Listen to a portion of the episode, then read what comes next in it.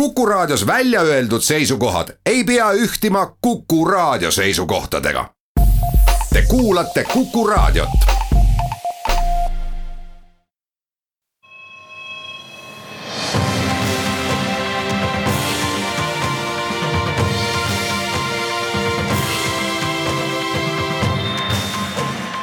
Buum. saadet toetavad Swedbank ja EBS, nähes ja luues võimalusi tere päevast, on neljateistkümnes märts, kell on saanud loetud minutid üksteist läbi. oleme taas eetris Buumi saatega, saatejuhid nagu ikka, Anto Liivat ja sedapuhku värskelt Vaasa Lopeti suusamaratonilt äh, naasenud äh, ja veidi kähiseva häälega Ott Pärna. uudisteploki avame kõigepealt ülevaatega sellest, kuidas näeb välja Forbesi värske maailma miljardäride edetabel. seejärel arutleme, miks on Lego otsustanud tuua turule taaskasutatavad äh, klotsid räägime ka sellest, äh, kuidas edukad kaubamärgid keskenduvad pigem kasutajatele, mitte niivõrd äh, ostjatele. ning uurime, miks need töötajad, kes vahetult klientidega kokku puutuvad, on õnnelikumad kui need, kes klientidega vahetult kokku ei puutu meie tänased saatekülalised on Prototoni tegevjuht Jana Pavlenkova ja Tallinna Tehnikaülikooli Tervisetehnoloogiate Instituudi professor Ivo Fridolin. Ivo ja Jana käest uurime, kuidas ettevõtted ning kõrgharidusasutused, sealhulgas ülikoolid, saaksid omavahel paremini ja tõhusamalt koostööd teha, et turule tuleksid uued ägedad tooted ja teenused aga nii nagu lubatud sai, räägime kõigepealt äh, Forbesi värskest äh, miljardäride edetabelist ja võrreldes eelmise aastaga on siis äh, maailma jõukurite varandus kaheksateist protsendi võrra kasvanud, üldiselt kipub olema nii, et jõukurite varandus kasvab ka halbadel aegadel, aga maailma majanduse headel aegadel kasvab lihtsalt kiiremini ja rohkem. edetabeli tipus troonib Amazoni looja Jeff Bezos, kelle varandus äh, küündib enam kui saja kaheteistkümne miljardi dollarini. see on ka maailma ajaloos äh, esmakordne juhtum, kus äh, esirikkuri varandust hinnatakse olevat väärt enam kui sada miljardit äh, dollarit. milliseid põnevaid äh, asju teile sellest edetabelist veel silma jäi? mina võiksin rääkida, et äh, uurisin natuke selle tabeli võr- innovatsioonipoliitika või noh, selle ettevõtete innovatsioonipoliitika vaatevinklist ja tõesti saab märgata, et esimesed, vähemalt esimesed kahekümned on tõesti oma arendusse on panustanud märkimisväärset summat, näiteks isegi kui me vaatame Zarat, mis tundub, et lihtsalt on, on mingid äh, riided, et tegelikult neil on niinimetatud protsessi innovatsioon, kuhu nad tõesti on, on maailma tipptasemel, kuidas nad suutsid oma logistikat ja põhimõtteliselt ladu vahepeal ära ka-, kaotada. nojah, ja siin Facebook ja kõike muu, mida, mida me niikuinii teame no mida siit tuleb välja tabelist, on see, et rikkus läheb Ameerika Ühendriikidesse ja Aasiasse et, et kui me seda nimekirja tippu vaatame, viissada rikkamat inimest maailmast, nelikümmend protsenti Ameerikast, eks, veerand on Aasiast ja eurooplased ainult kakskümmend üks protsenti. ehk siis nii-öelda kapitalistid kaovad Euroopast ja esimene eurooplane peaks olema seal seitsmendal kohal. et, et see on võib-olla üks trend, kui seal võib-olla veel midagi huvitavat võib-olla välja tuua, noh, Phil Knight on Nike'iga esikolmekümnes, mille üle mul on hea meel, mis on huvitav, et äh, pankureid ja kapitaliste ei ole, just pankureid esimene sarnane on Bloombergi omanikega, kes mm -hmm. on ka pigem nagu finantstehnoloogia ja finantsinfo, finantsmeediaorganisatsioon. autotööstusest on huvitav, et esimene automark, mis vastu tuleb, on BMW kolmekümne teisel kohal, BMW üks pärijatest siis, ja ka ühtlasi Saksamaa kõige rikkam naine, samas temast koht eespool on lihtsalt üks autoosi müüv saksa härrasmees ja kui sinna natuke hakata sisse vaatama, millega tegu on, siis tegemist on ühe maailma suurima kuullaagri tootjaga. ja üldse, kes auto nagu mehaanikaesemeid toodab ja kes on hiljuti ära ostnud ka Continentali siis kummi nii-öelda vabriku või tehase või brändi et selles mõttes jah, see list on huvitav, aga jah, see kapital konsolideerub üha enam siin Ameerika Ühendriikidesse ja, ja Aasiasse. ja kui veel natuke vaadata selle üldpilti, siis ma tahaksin öelda, et ainult kümme protsenti on naisi, ehk kümme naist on kogu sellest sajast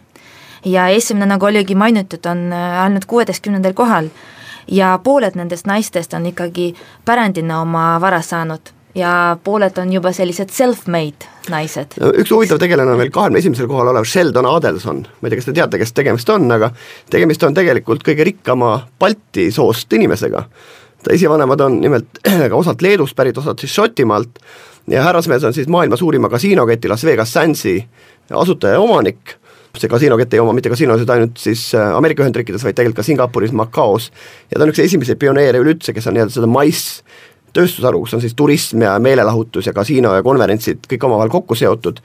ja, ja vennad, äh, see korporatsioon haldab või valdab ka tegelikult maailma ühtesid komplekssemaid kinnisvaraarendusi kus on just hästi palju erinevaid tahke ja eri ärimudeleid sees. Kui nüüd tahta väga noorena väga rikkaks saada, siis äh, paistab olevat tehnoloogiaäri ainus võimalus, äh, kõige noorem äh, oma tööpanuse varal edetabelisse jõudnud inimene on Snapchati looja Ivan Spiegel, kelle varanduse suurust hinnatakse enam kui nelja miljardi dollarini. aga ka Stripe'i looja finantstehnoloogia ettevõttest käib siis jutt John Collison on näiteks edetabelisse jõudnud. Räägime nüüd äh, Legost. Lego on andnud teada, et toob turule taaskasutatavad äh, klotsid, tegemist peaks olema siis äh, polüetüleeniga, mis on pigem pehme, aga samas hästi vastupidav. kas tõesti Lego tunnetab ka väga tugevat survet taaskasutatavate toodete kasutuselevõtuks või materjalide kasutuselevõtuks, sest tarbijate eelistused on nii palju ja tõsiselt muutumas? ma arvan, et Lego oli tükk aega panustanud sellele, et need Legod oleksid ohutud ja hästi kaua nii-öelda käigus sest äh, tõesti ka viiekümneaastased Lego klotsid on siiamaani väga-väga hinnas ja, ja need, nendega saab mängida ja igasuguseid asju teha. nii et tegelikult minu jaoks oli suur avastus, et nad alles nüüd äh, hakkasid sin-, sinnapoole minema ehk keskkonna säästlikkuse poole, sest neil on tegelikult väga suur mõju kõikide laste peale, sest nad, nad räägivad sellest, noh, nii et ma, ma arvan või ma loodan, et nad äh,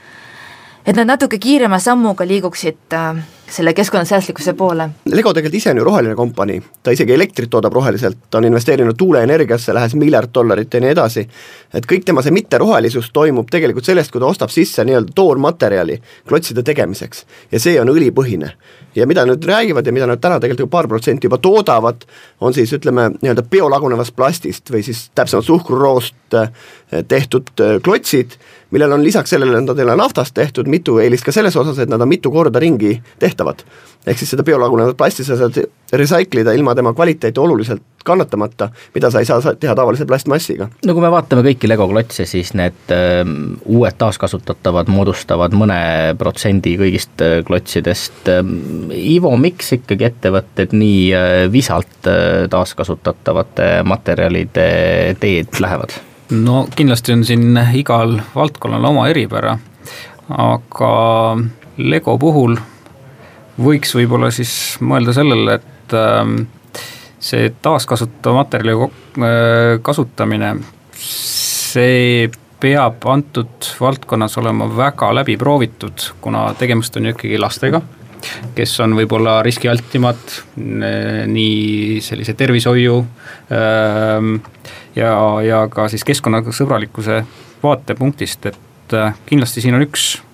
oluline punkt ja võib-olla on ka põhjus selles, et äh, tegelikult see nii-öelda keskkonnasõbralik biotootmine, see on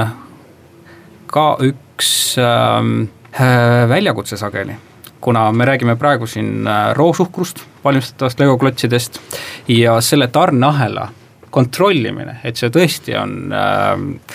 toodetud ausalt kasutades siis mitte siin lapstööjõudu ja kõike seda ausat äh, tootmisahelat äh, arvesse võttes, ka see kindlasti tähendab lisakulusid ettevõtetele. kuulame vahepeal ära kaubanduslikud teadaanded ja vestleme pärast seda edasi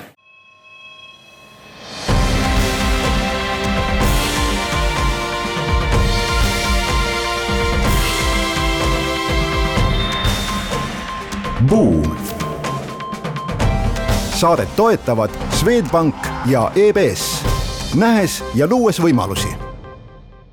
oleme tagasi Buumi eetris, saatejuhid Anto Liivet ja Ott Pärna. meie tänased saatekülalised on Prototoni tegevjuht Jana Pavlenkova ja Tallinna Tehnikaülikooli Tervisetehnoloogiate Instituudi professor Ivo Fridolin, kes aitavad meil ka uudiseid kommenteerida.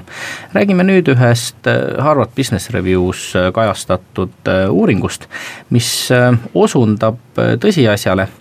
et brändid kipuvad jagunema nii-öelda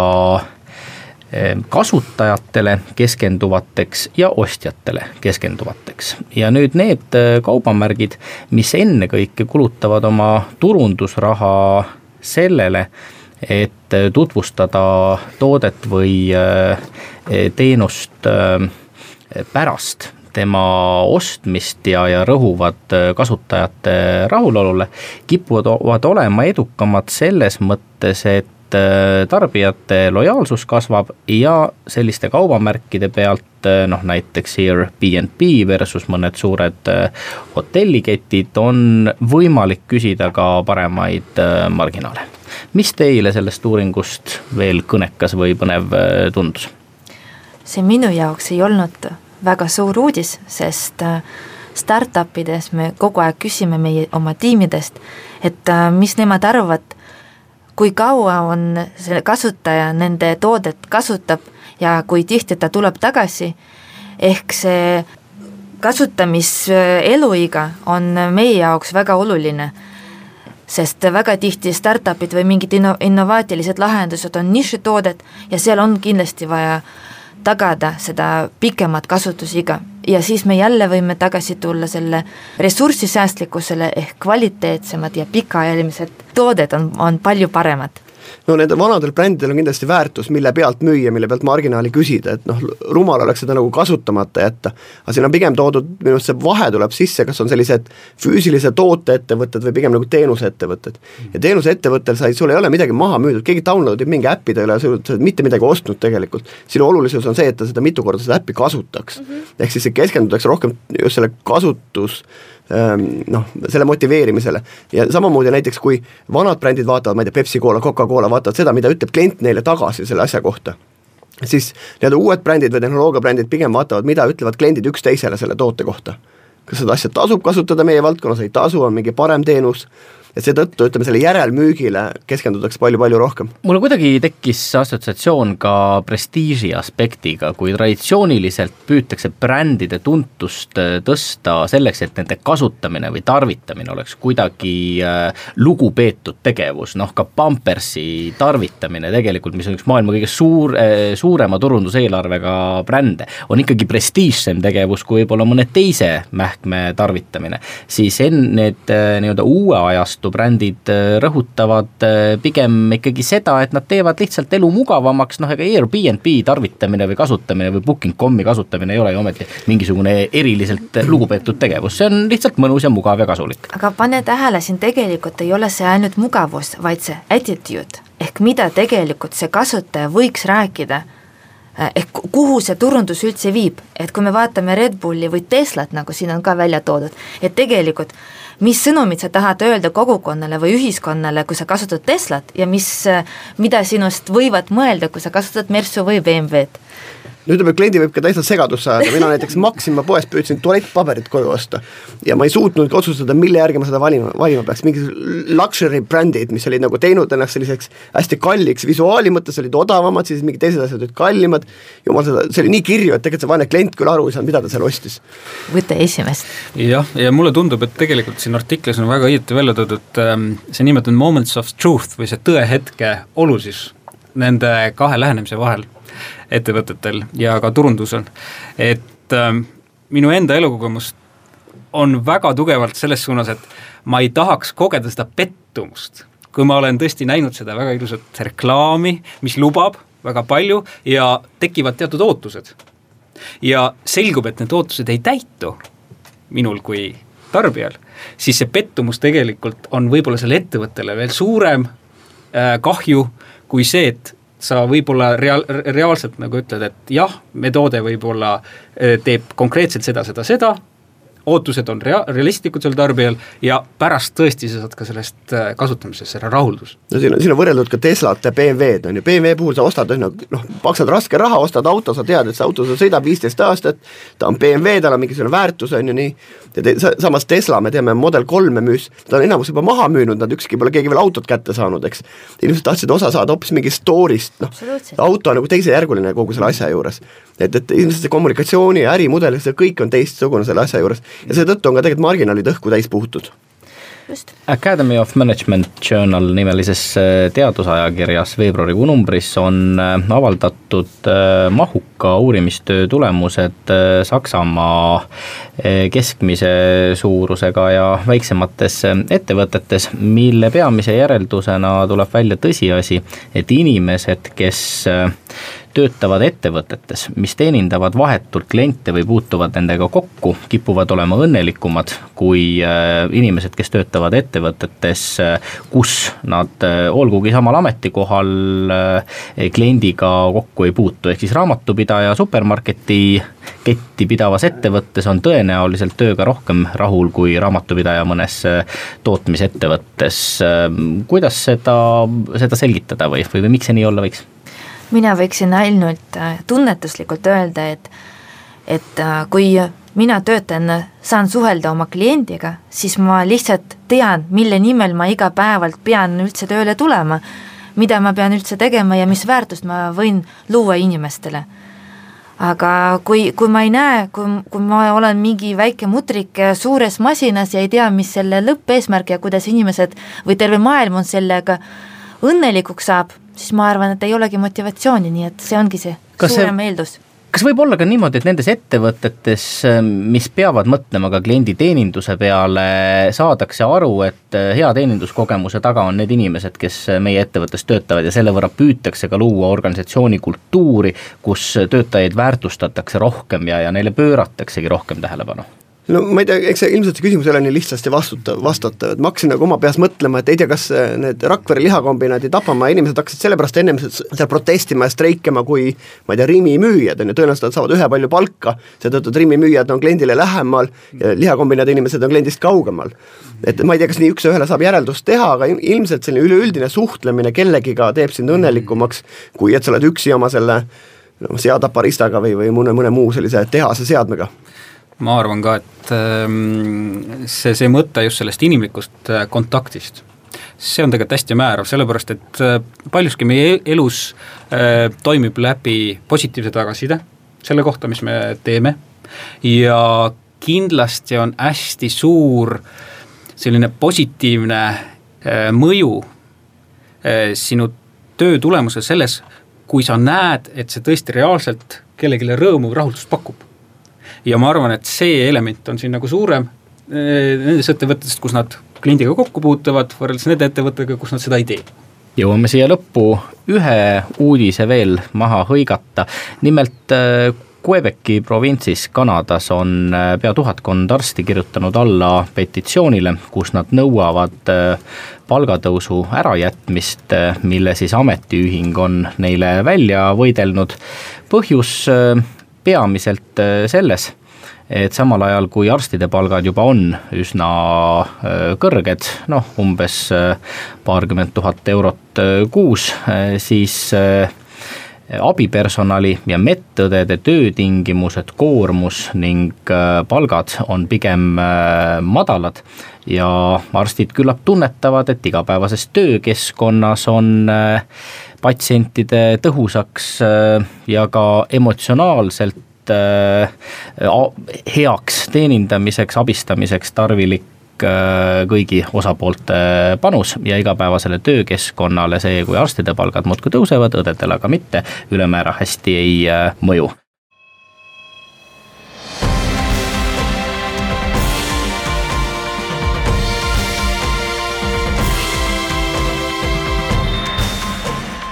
Buum.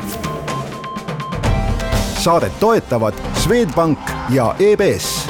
nähes ja luues võimalusi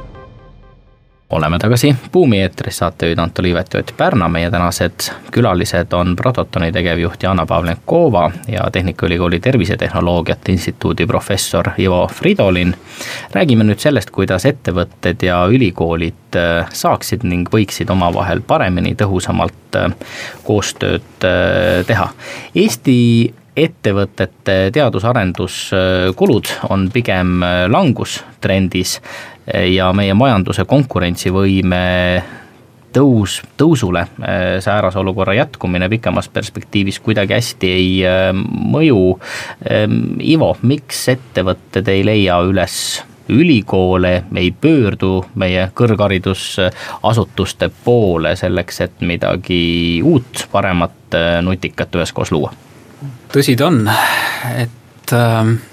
see koostöö ettevõtete ja ülikooli vahel on vahest päris keeruline. ja võib-olla üheks põhjuseks on see, et meil puudub äh, vastav äh, ajalugu. siin, äh, kui Ameerika Ühendriikides on selles valdkonnas väga pikalt tegelikult üles ehitatud struktuurid, rahastusinstrumendid, terved üksused, mis tegelevad just seda laadi koostöö arendamisega, toetamisega, isegi karjäärimudelisse on sellised ähm, võimalused sisse ehitatud Ameerika professoritel, siis tegelikult meie äh, väikses Eestis ei ole veel nii kaugele jõudnud. teiseks, võib-olla on ka põhjus selles, et äh, Eesti ettevõtjad veel ei ole aru saanud selle innovatsiooni kriitilisusest ettevõtete arengus või kui nad on aru saanud, siis nad nagu ei näe, et Eestis tegelikult võiks olla see potentsiaal palju käegakatsutavam, võib-olla kui seda väljaspoolt kuidagi minna otsima. ja, ja siinkohal on, on muidugi võib-olla isegi keeruline sellistel väiksetel ettevõtetel nagu Eestis on nullist alustada, sellepärast taas väljaspool Eestit suurtele ettevõtetele on tegelikult see edumaa juba olemas. Ja, ja nüüd äh, teha sedasama järgi siin Eestis, see võib olla keeruline et need oleksid nagu mõned põhjused, mis ma oskan kohe praegu välja tuua. no kui ettevõtjatest võib isegi aru saada, on ju võimalik raha teenida ka sisenõudluse varal midagi äh, Eestisse importides, edasi müües äh, või ka eksportida mitte ülemäära kõrge lisandväärtusega tooteid-teenuseid äh, lähematele välisturgudele, siis miks ei ole teadustöötajatel motivatsiooni teha midagi reaalset, praktilist ja, ja, ja ka nii-öelda rahaks pööratavat? Äh, siin on võib-olla ka ajaloolised põhjused, üks on kindlasti olnud seni kehtiv rahastusmudel, et äh, teadusrahastamine Eestis on seni põhinenud väga palju nii-öelda teaduspublikatsioonidele ja sellisele teaduslikule väljundile, mis võib-olla Eesti ettevõtjad tegelikult otseselt ei aita. ja rääkida nüüd intellektuaalomandi tootmisest Eh, mis on teadlase lisapingutus ja tegelikult ei aita teda tema teadlase karjääris edasi, siis tekivad siin vastuolud. ja ma olen kohanud tegelikult päris paljusid kolleege, kes ütlevad, et ähm, jah, eh, see on väga põnev ja tõenäoliselt oleks see väga huvitav teha koostööd ettevõtetega, aga see lisapingutus, mis ma pean selleks tegema, see on nii suur, et ma pigem eeldan seda vana, seda teadlase rada edasi käia ja ühesõnaga selline kastist, enda mugavustsoonist välja astumine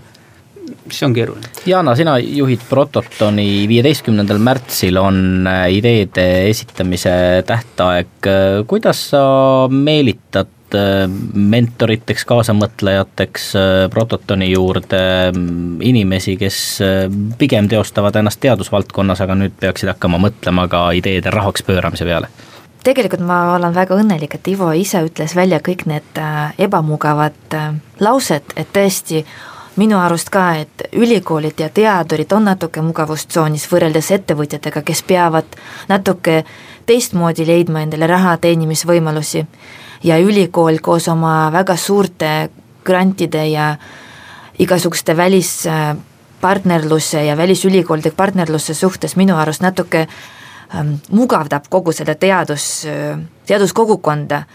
Ja meie omavahel ka mõtlesime, ma mõtlen startup kogukonnas, et kuidasmoodi me võiksime jõuda teadlasteni, et, et aru saada, mida nemad ikkagi sealt teevad, sest ma arvan, et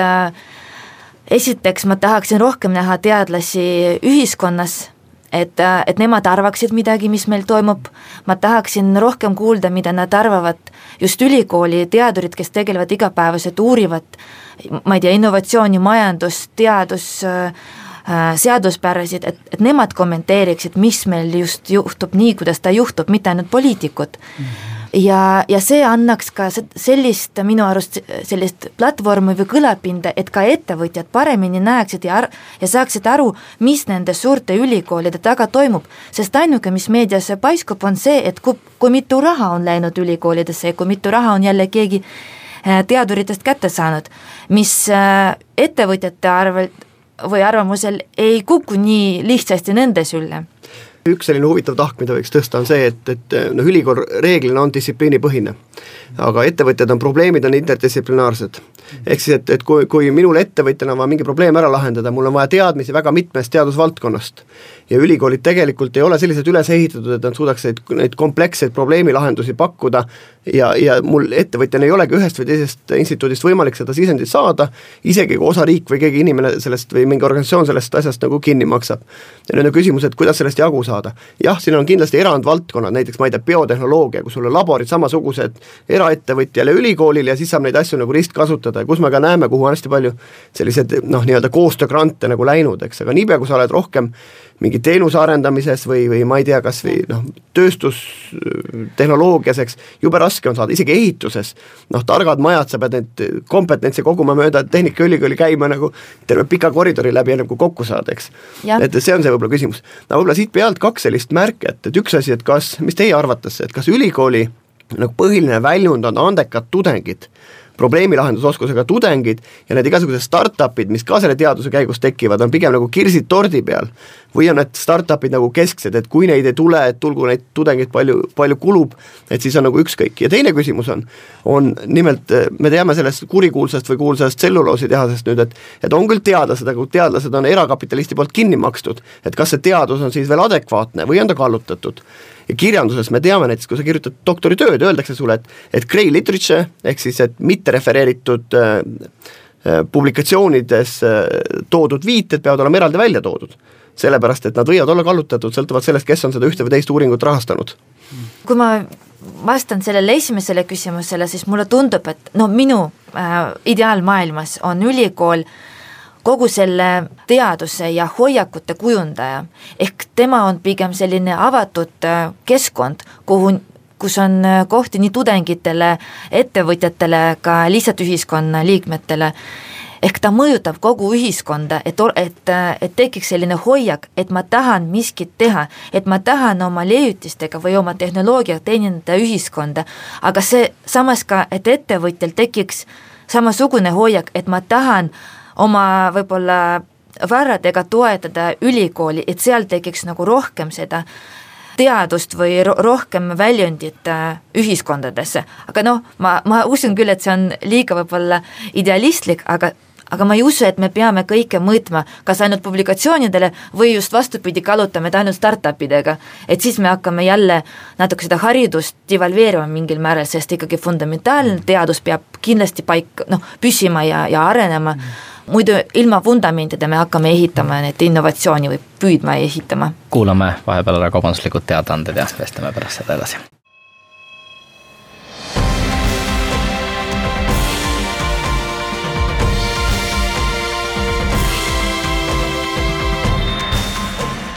Buum. saadet toetavad Swedbank ja EBS, nähes ja luues võimalusi oleme tagasi Buumi eetris, saatejuhid Anto Liivat ja Ott Pärna. meie tänased külalised on Prototoni tegevjuht Jana Pavlenkova ja Tehnikaülikooli Tervisetehnoloogiate Instituudi professor Ivo Fridolin. jäime pooleli oma aruteluga sinna kohta, kus küsisime, kumb on siis ikkagi olulisem, kas äh, kõrgelennulised äh, iduettevõtted, mis äh, sünnivad ülikooli juures asuvast inkubaatorist või laia silmaringiga hästi haritud äh, tudeng, kes on suuteline välja mõtlema ja ellu viima mis iganes toredaid ideid. Ehm, professor äh, Fridolin, mis meelt olete teie, kui peab nende kahe vahel valima? mina valiksin igal juhul laia silmaringiga ühiskonnaliikme vahel. ja see põhineb mu enda äh, kogemusel, kuna need ähm, rakenduslikud projektid, milles ma ise olen osalenud, üks näide on siis Tark töörõves Ragnar kaks, mis meil toimus koostöös äh, äh, sellise tekstiiliettevõttega Eestis nagu Protex Balti aktsiaselts ja siis ka Eesti Infotehnoloogia Liit ja Eesti Elektroonikatööstuse Liit oma ettevõtetega tegid koostööd selle projekti raames ja ka teine näide siis rakenduslikust koostööst äh, läbi neeruasendusravi optilist monitooringut arendava tehnoloogia Optofluid Technologies OÜ on just need inimesed, kes näevad laiemalt ja otsivad seda uut kontakti kas siis ettevõtete poolt ülikoolist või siis ülikooli poolt samal vastatakse äh, ka ettevõtete poole. ja just see inimeste enda äh, äh, huvi ja arusaamine vastastikustest probleemidest, vastastikustest vajadustest, see on see, mis viib edasi. kui ma tohin lisada, siis tegelikult ma usun ja ma näen seda ka oma elus, et äh, laia silmaringiga tudeng on ikka see, kes ei, ei viibi ainult ülikoolis, vaid läheb ka ettevõtetesse ja veel parem, kui see üliõpilane näiteks peale esimest äh, oma õpingut lähebki, töötab natuke, siis nuusutab, mis on reaalne elu, mis on need reaalsed väljakutsed ja oskab sellega hoopis teistmoodi oma teadustööle nagu asuda ja, ja läheneda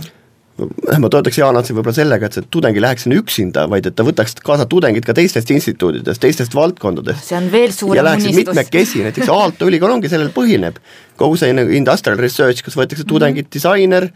tehnoloogiatudeng, turundustudeng ja lähevad ettevõttesse mingit praktilist probleemi lahendama. Ivo, teil on kogemus nii Eestist kui Rootsist äh, sellest, kuidas ettevõtted ja kõrgharidusasutused omavahel koostööd äh, teevad, kuidas see kontekst äh, erineb? No erinevus on võib-olla selles, et äh, Rootsis on tõesti juba välja kujunenud viisid, mudelid, kuidas seda koostööd läbi viia. Äh, ja loomulikult ühiskonna või siis riigi toetus on seal väga oluline, sellepärast et äh, minu kogemus oli see, et ettevõtjad tulid ülikooli oma ideedega ise, neil oli mingisugune lahendamata probleem, millele nad tahtsid vastust. Ja nad olid nõus seda tegema sel juhul, kui nad nägid, et seda toetab nii ühiskond mingis osas kui ka see ülikool ja nemad siis panevad juurde selle ülejäänud puuduva osa. ja see koostöömudel minu arust toimis Rootsis väga hästi. Eestis on püütud ju seda nüüd rakendada, aga minu arust on siin veel arenguruumi jah, ma ise olen ka uurinud Rootsis äh, nende äh, nii-öelda kolmepoolset äh, partnerlust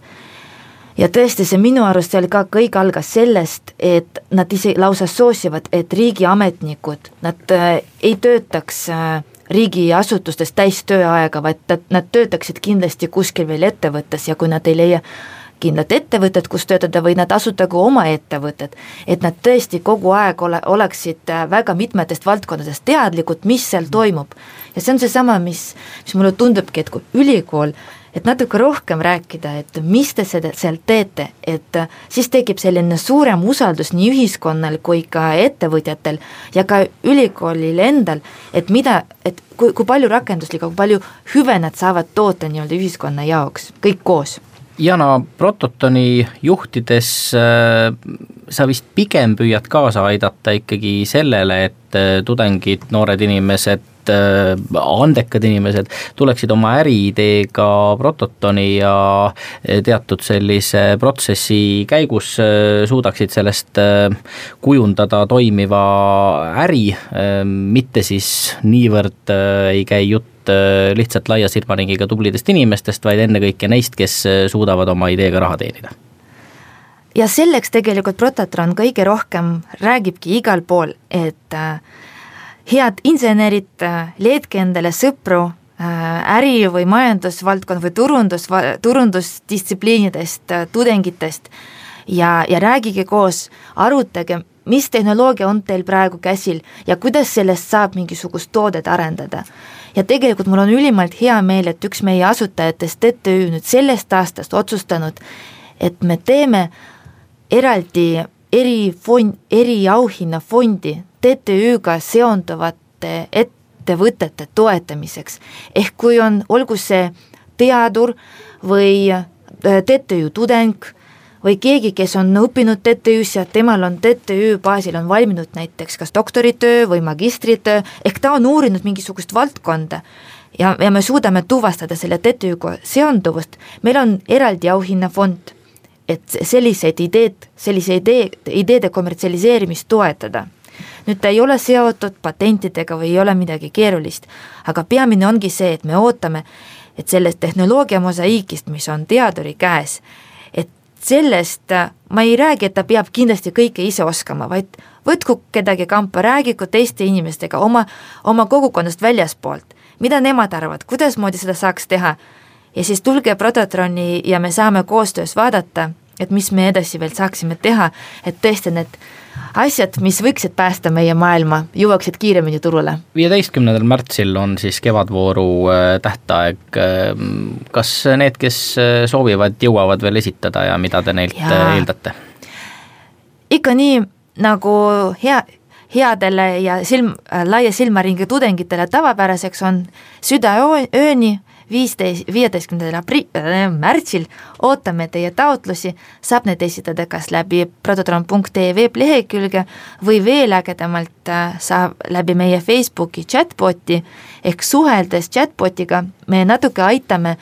välja äh, ehitada selle loogika, kuidas selle taotlust sisestada, et, et nagu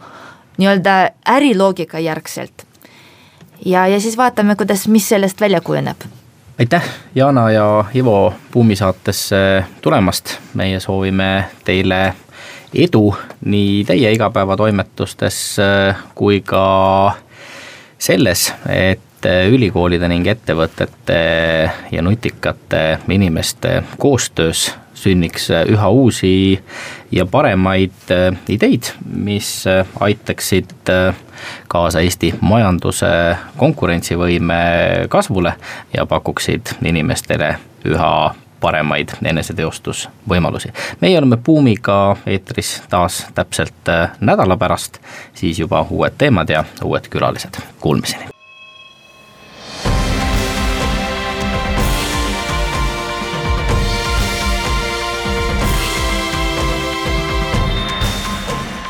Buum. saadet toetavad Swedbank ja EBS, nähes ja luues võimalusi